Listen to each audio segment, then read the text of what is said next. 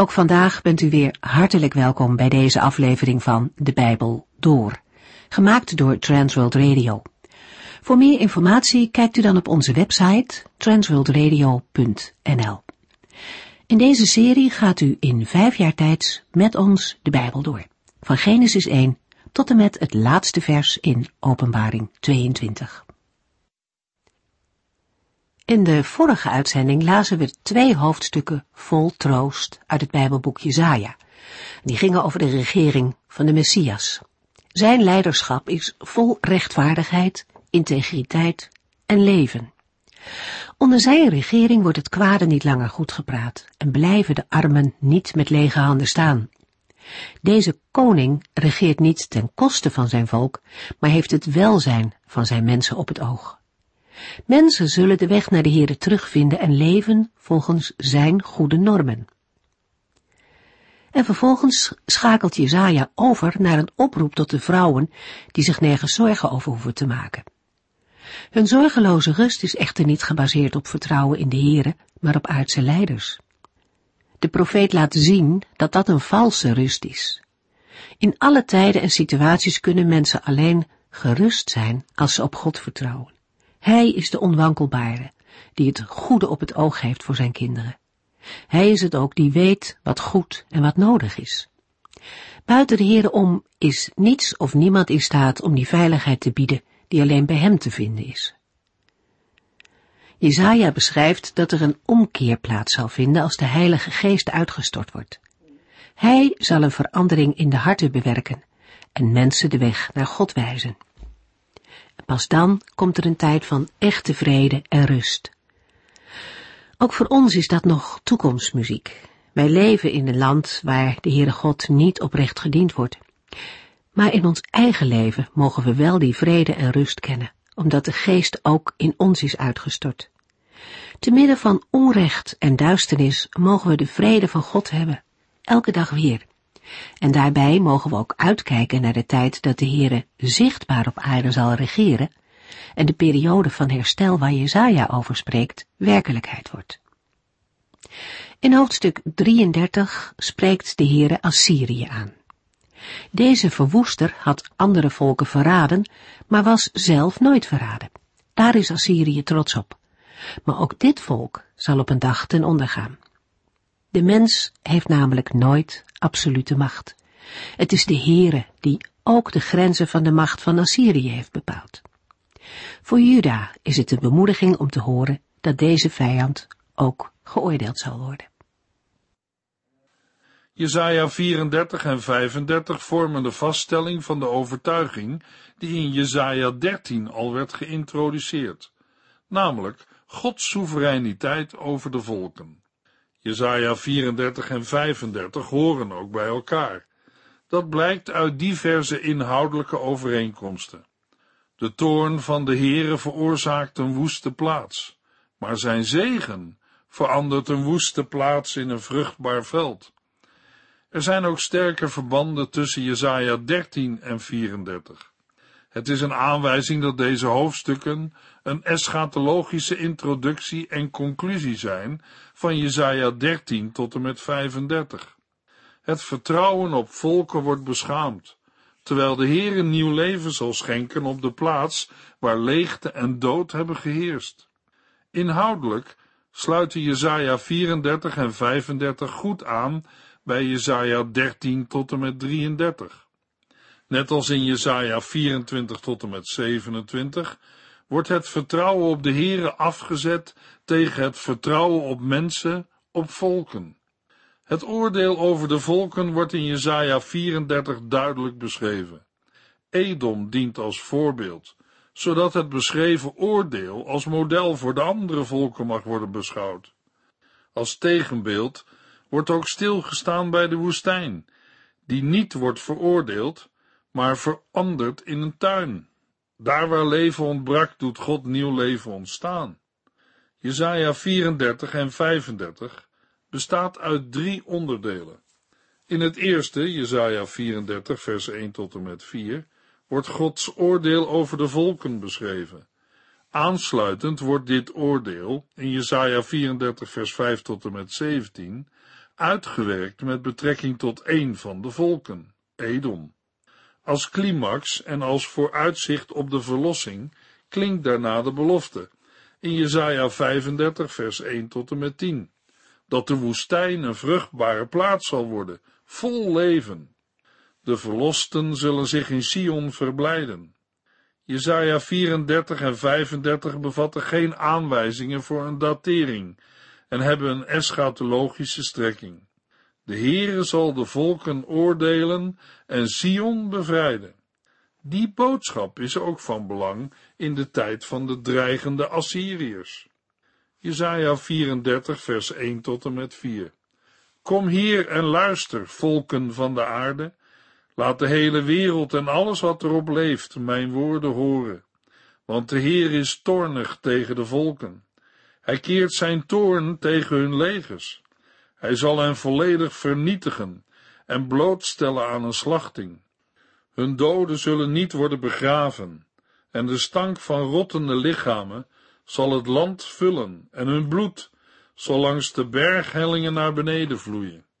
In die tijd wordt de hemel als een boekrol opgerold. De sterren zullen als bladeren vallen, net als het verwelkte blad van de wijnstok en het dorre gebladerte van de vijgenboom. De volken van de aarde worden opgeroepen om aandachtig te luisteren naar wat komt. Er zal een oordeel worden uitgesproken, dat is wel duidelijk. Ook de aarde wordt aangesproken. De woorden de hele wereld en alles wat erop leeft, doen denken aan Psalm 24 vers 1, waar duidelijk wordt dat het om de bewoners van de aarde gaat. Iedereen moet komen en luisteren. Deze boodschap is van het grootste belang. De vermelding, want de Heere is toornig, is gericht op de volken. De reden van de toorn wordt niet vermeld, maar met het oog op het voorgaande, Jesaja 13 tot en met 33, kan worden aangenomen dat gebrek aan vertrouwen op de Heere de oorzaak is. De volken vertrouwen op hun leger, maar juist dat wekt de boosheid van de Heer op. Met hun legers hadden zij Juda willen vernietigen maar die voornemens worden nu bestraft. Jezaja beschrijft het oordeel alsof het al heeft plaatsgevonden. Zo zeker is hij dat het zal gebeuren. De woorden volledig vernietigen en een slachting wijzen op een totale vernietiging. De verwoording wijst op een heilige oorlog, waarin alles wat onder de ban valt de Heere toebehoort. Zo wordt duidelijk dat de Heer het alleen recht op de volken heeft. In vers 3 wordt de schande van de vernietiging nog groter, doordat de lijken niet worden begraven, maar onbedekt blijven liggen en vergaan. Het onbegraven laten liggen van lichamen wijst op een grove schande en is onwaardig. Voortdurend stijgt de stank van ontbinding omhoog. Zo eindigen zij die zich boven anderen verheffen. In het oordeel rekent de Heere niet alleen af met de volken, maar ook met hun goden. De sterren representeerden tegelijk de afgoden van de volken rondom Israël. Zij zullen worden vernederd en zijn machteloos. Het oprollen van de hemelen als een boekrol is een unieke zegswijze in de Bijbel. Het oprollen van de boekrol markeert het einde van een lezing en daarmee de afsluiting van een handeling of een periode. Jesaja 34 vers 5. In de hemel wordt het zwaard van de Heere scherp gemaakt. Kijk, nu daalt het op Edom neer, het volk dat ik heb vervloekt. De algemene beschrijving wordt concreet in het voorbeeld van Edom. In Jesaja 34 staat Edom model voor al de andere volken die vanaf Jesaja 13 werden genoemd. Edom is bij uitstek geschikt om als model te dienen, omdat het van oudsher het tegenbeeld is van Israël. Zo kan worden gesteld dat er twee wegen zijn, die van Edom of die van Israël. De weg van weerstand tegen God of van gehoorzaamheid aan de Here. Van het begin tot het einde van het Oude Testament blijkt Edom het tegenbeeld van Israël. In de vroege geschiedenis van het volk bleek dit door de weigering van Edom om Israël door het land te laten trekken. Later wordt de antipathie des te meer door de hulp die Edom geeft aan de Babyloniërs bij de verwoesting van Jeruzalem. Het zwaard van de Heere wordt scherp gemaakt, verwijst naar de toorn van God. Het zwaard wacht op actie in het gericht tegen Edom. Jezaja 34 vers 6 Het zwaard van de Heer is bevlekt met bloed en druipt van vet, alsof het gebruikt is voor het slachten van lammeren en geiten voor de offerdienst. Want de Heere zal een grote slachting aanrichten in Edom. Het zwaard vertoont duidelijk de tekenen van de slachting. Het is vol bloed en druipt van vet. Bloed en vet zijn verwijzingen naar de offerdieren die werden geslacht om de zonde te verzoenen. Zonde vereist een offer en heeft de dood tot gevolg. Als het niet de dood van het offerdier is, dan is het de dood van de zondaar.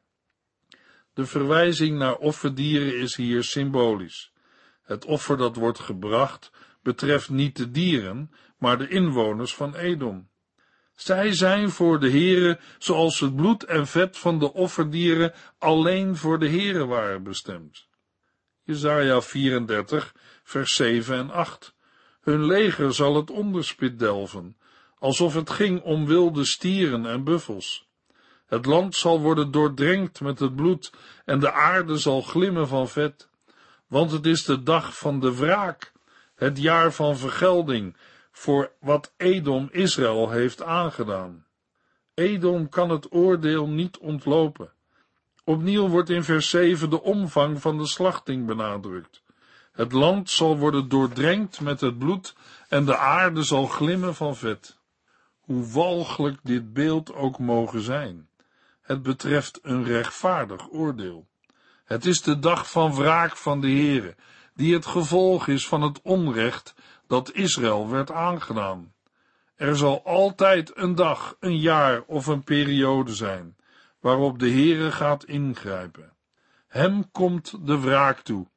Bij zijn wraak moet niet aan een ongecontroleerde, emotionele afrekening worden gedacht, maar aan het herstellen van het recht dat werd veracht.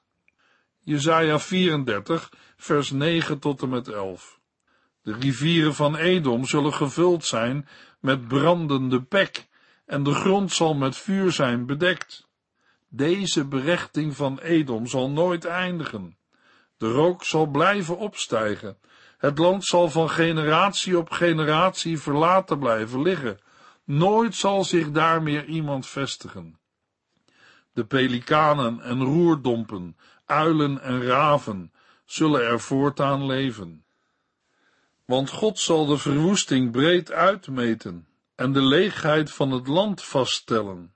Hij zal zijn edelen op de proef stellen en vaststellen dat niemand van hen het koningschap waard is. Het taalgebruik doet denken aan de geschiedenis van Sodom en Gomorra. Het oordeel is net als toen definitief en volledig. De vijand van Israël wordt volledig verwoest.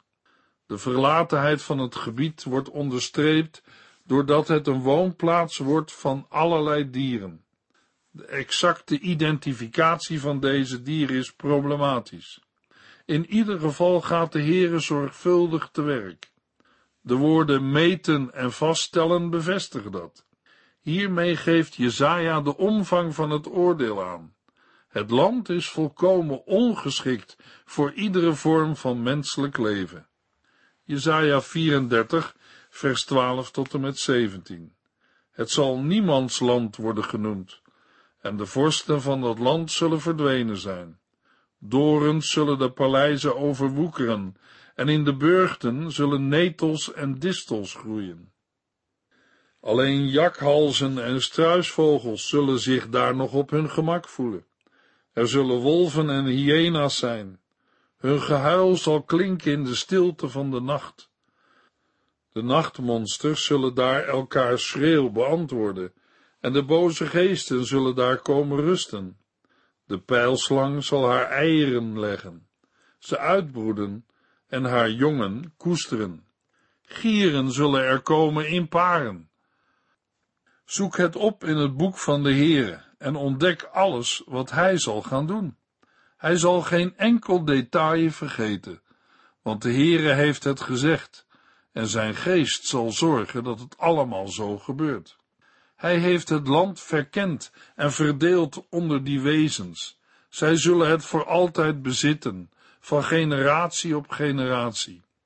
De grammatica van vers 12 is vreemd en de exacte betekenis onhelder.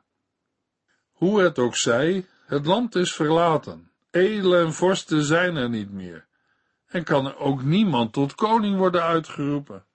In aansluiting daarop wordt duidelijk gemaakt dat de paleizen en burchten overwoekerd worden door onkruid en bewoond door wilde dieren. Hyena's en wilde honden gaan er rond, en de nachtmonsters beantwoorden elkaars schreeuw. De aanduiding nachtmonsters is dubbelzinnig, maar met het Hebreeuwse woord kan geen gewoon dier zijn bedoeld. Het is een vrouwelijke demon die in de nacht rondwaart. De verlatenheid is zo groot dat alleen de machten van de duisternis er rust kunnen vinden.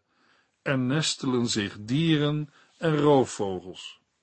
De boodschap van Jezaja mag dan ongelooflijk klinken.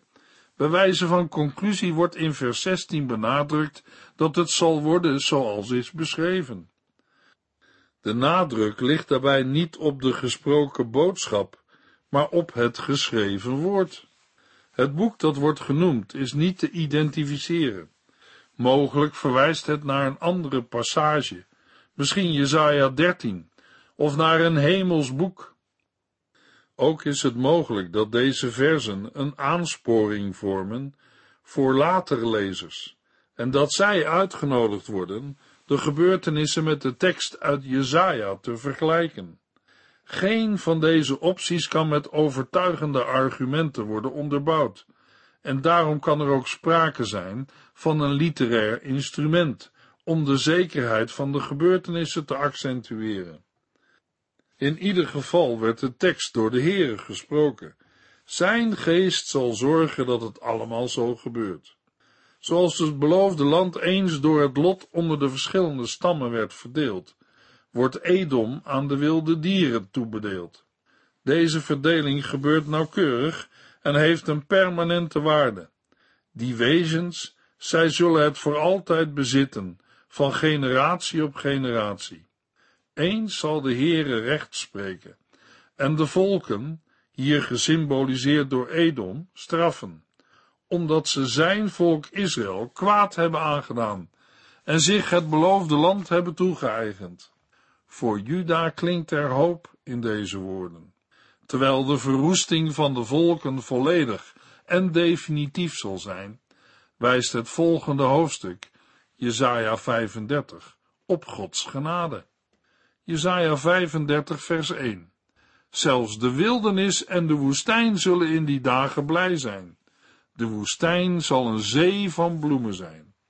Jezaja heeft in hoofdstuk 34 uitgebreid beschreven hoe het machtige Edom tot een woestenij en een woonplaats van onreine dieren zou worden. In Jezaja 35 beschrijft de profeet met het grootst mogelijke verschil dat de woeste en verlaten plaatsen zullen bloeien als bloemen. De woestijn wordt niet nader gespecificeerd en het is onmogelijk te achterhalen welke plaats is bedoeld en om welke bloem het gaat. Misschien is dat juist de intentie, zodat deze woorden gaan over ieder gebied dat als gevolg van oorlogsgeweld tot een woestenij is geworden.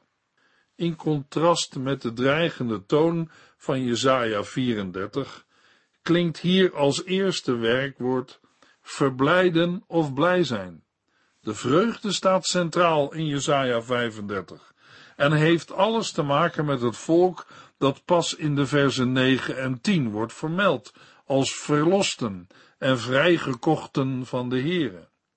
Jesaja 35 vers 2 Er zal een overvloed van bloemen, gezang en vreugde zijn.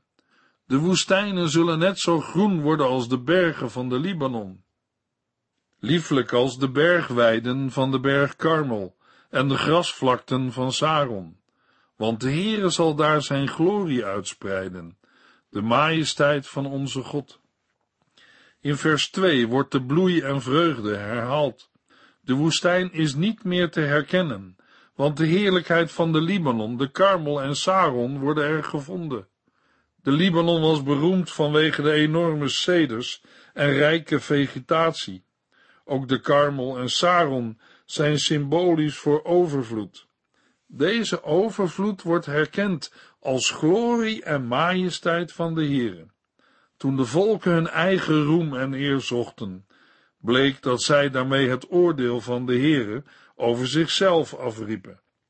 Terwijl de heerlijkheid van de Heere zelfs de meest onherbergzame plaatsen tot bloei kan laten komen. En er komt een dag dat het volk van de Heere dat zal zien. Ook Paulus verwijst in Romeinen 8 vers 22 naar dat grote moment. Dan zal heel Gods schepping zich verheugen. Luisteraar, zult u daarbij zijn? Jesaja 35 vers 3 en 4 Versterk de verslapte handen en geef kracht aan knikkende knieën. Bemoedig de angstigen. Zeg hun, wees sterk, wees niet bang, want uw God komt om wraak te nemen op uw vijanden. Hij komt om u te redden. Met twee korte zinnen roept Jezaja op tot actie. De slappe handen en knikkende knieën vormen een beeld van zwakte, hulpeloosheid en angst. De angst mag plaatsmaken voor moed op basis van de beloften van de Heere. De handen die werkeloos langs het lichaam hingen, moeten weer worden gebruikt. De knieën die knikten van angst, moeten weer kracht ontvangen om te volharden. Waarschijnlijk waren de handen en de knieën slap geworden, omdat Juda het vertrouwen op Gods ingrijpen was kwijtgeraakt. De beloften van verlossing waren nog niet in vervulling gegaan.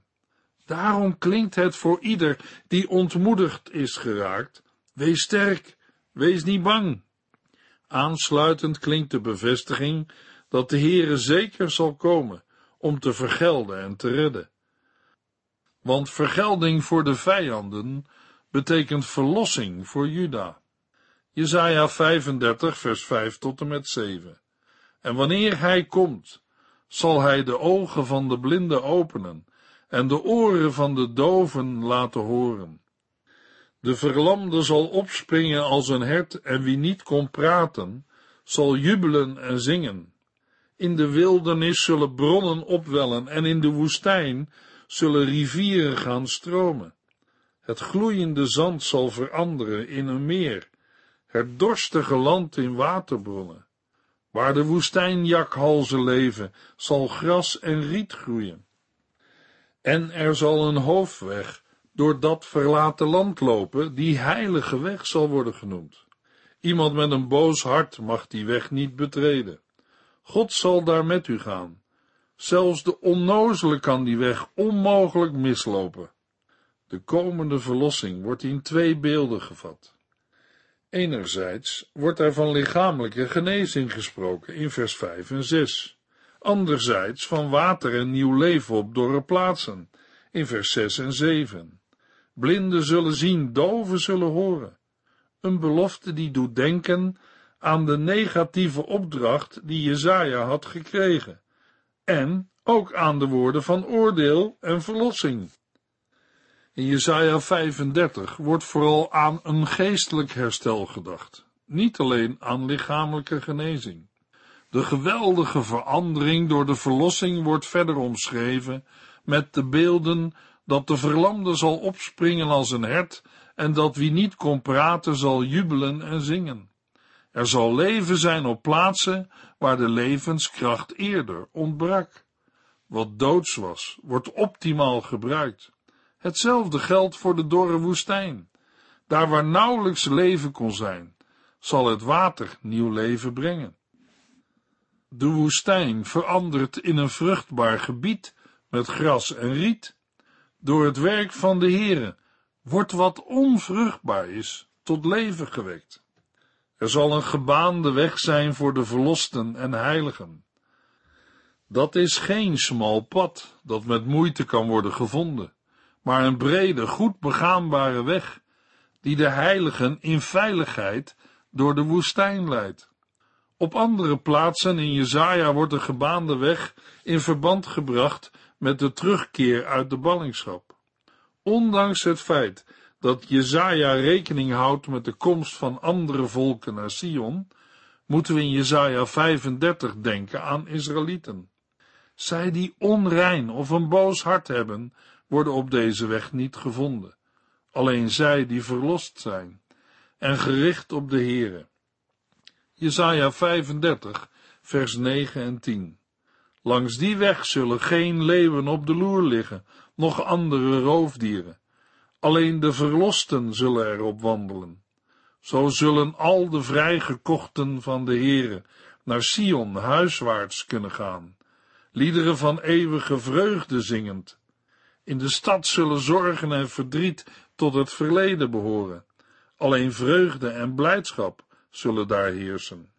Terwijl Edom het terrein van wilde dieren wordt, blijft de heilige weg door de woestijn vrij van gevaarlijke dieren.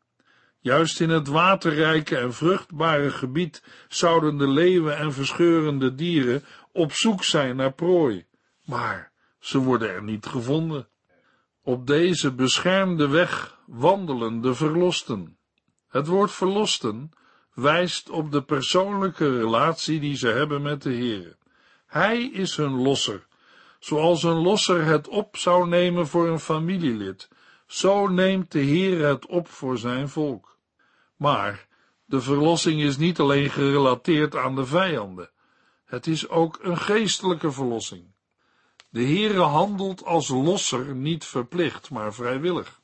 Hij heeft zijn volk vrijgekocht. Zij zullen vol vreugde in Sion terugkeren. De vreugde is eeuwig en vervangt het verdriet en gezucht. Daarmee sluiten de laatste versen van Jesaja 35 aan bij Jesaja 33. Sion wordt een veilige woonplaats, en geen inwoner zal meer zeggen dat hij ziek is, want het volk dat daar woont, heeft vergeving ontvangen. Als Johannes de Doper met grote levensvragen in de gevangenis zit, verwijst de Heer Jezus in zijn reactie naar blinden die ziende worden, doven die gaan horen en verlamden die gaan lopen. Zijn lijden, sterven en opstanding biedt de basis voor de verlossing en het vrijgekocht worden van de zonde, zonder dat wij het hebben verdiend. In de volgende uitzending lezen we Jesaja 36 en 37. U heeft geluisterd naar De Bijbel Door, in het Nederlands vertaald en bewerkt door Transworld Radio. Een programma waarin we in vijf jaar tijd de hele Bijbel doorgaan. Als u wilt reageren op deze uitzending of u heeft vragen, dan kunt u contact met ons opnemen. Tijdens kantooruren kunt u bellen op 0342 47 8432 0342 47 8432. Ook kunt u een e-mail sturen naar de door at transworldradio.nl en natuurlijk kunt u ook via de post ons bereiken. TWR, postbus 371, postcode 3770, AJ in Barneveld. Dit programma werd gepresenteerd door Cor Weda en Ike André. Techniek was in handen van Odin van Voerkom. En wij allemaal bedanken u voor het luisteren. Graag tot de volgende keer.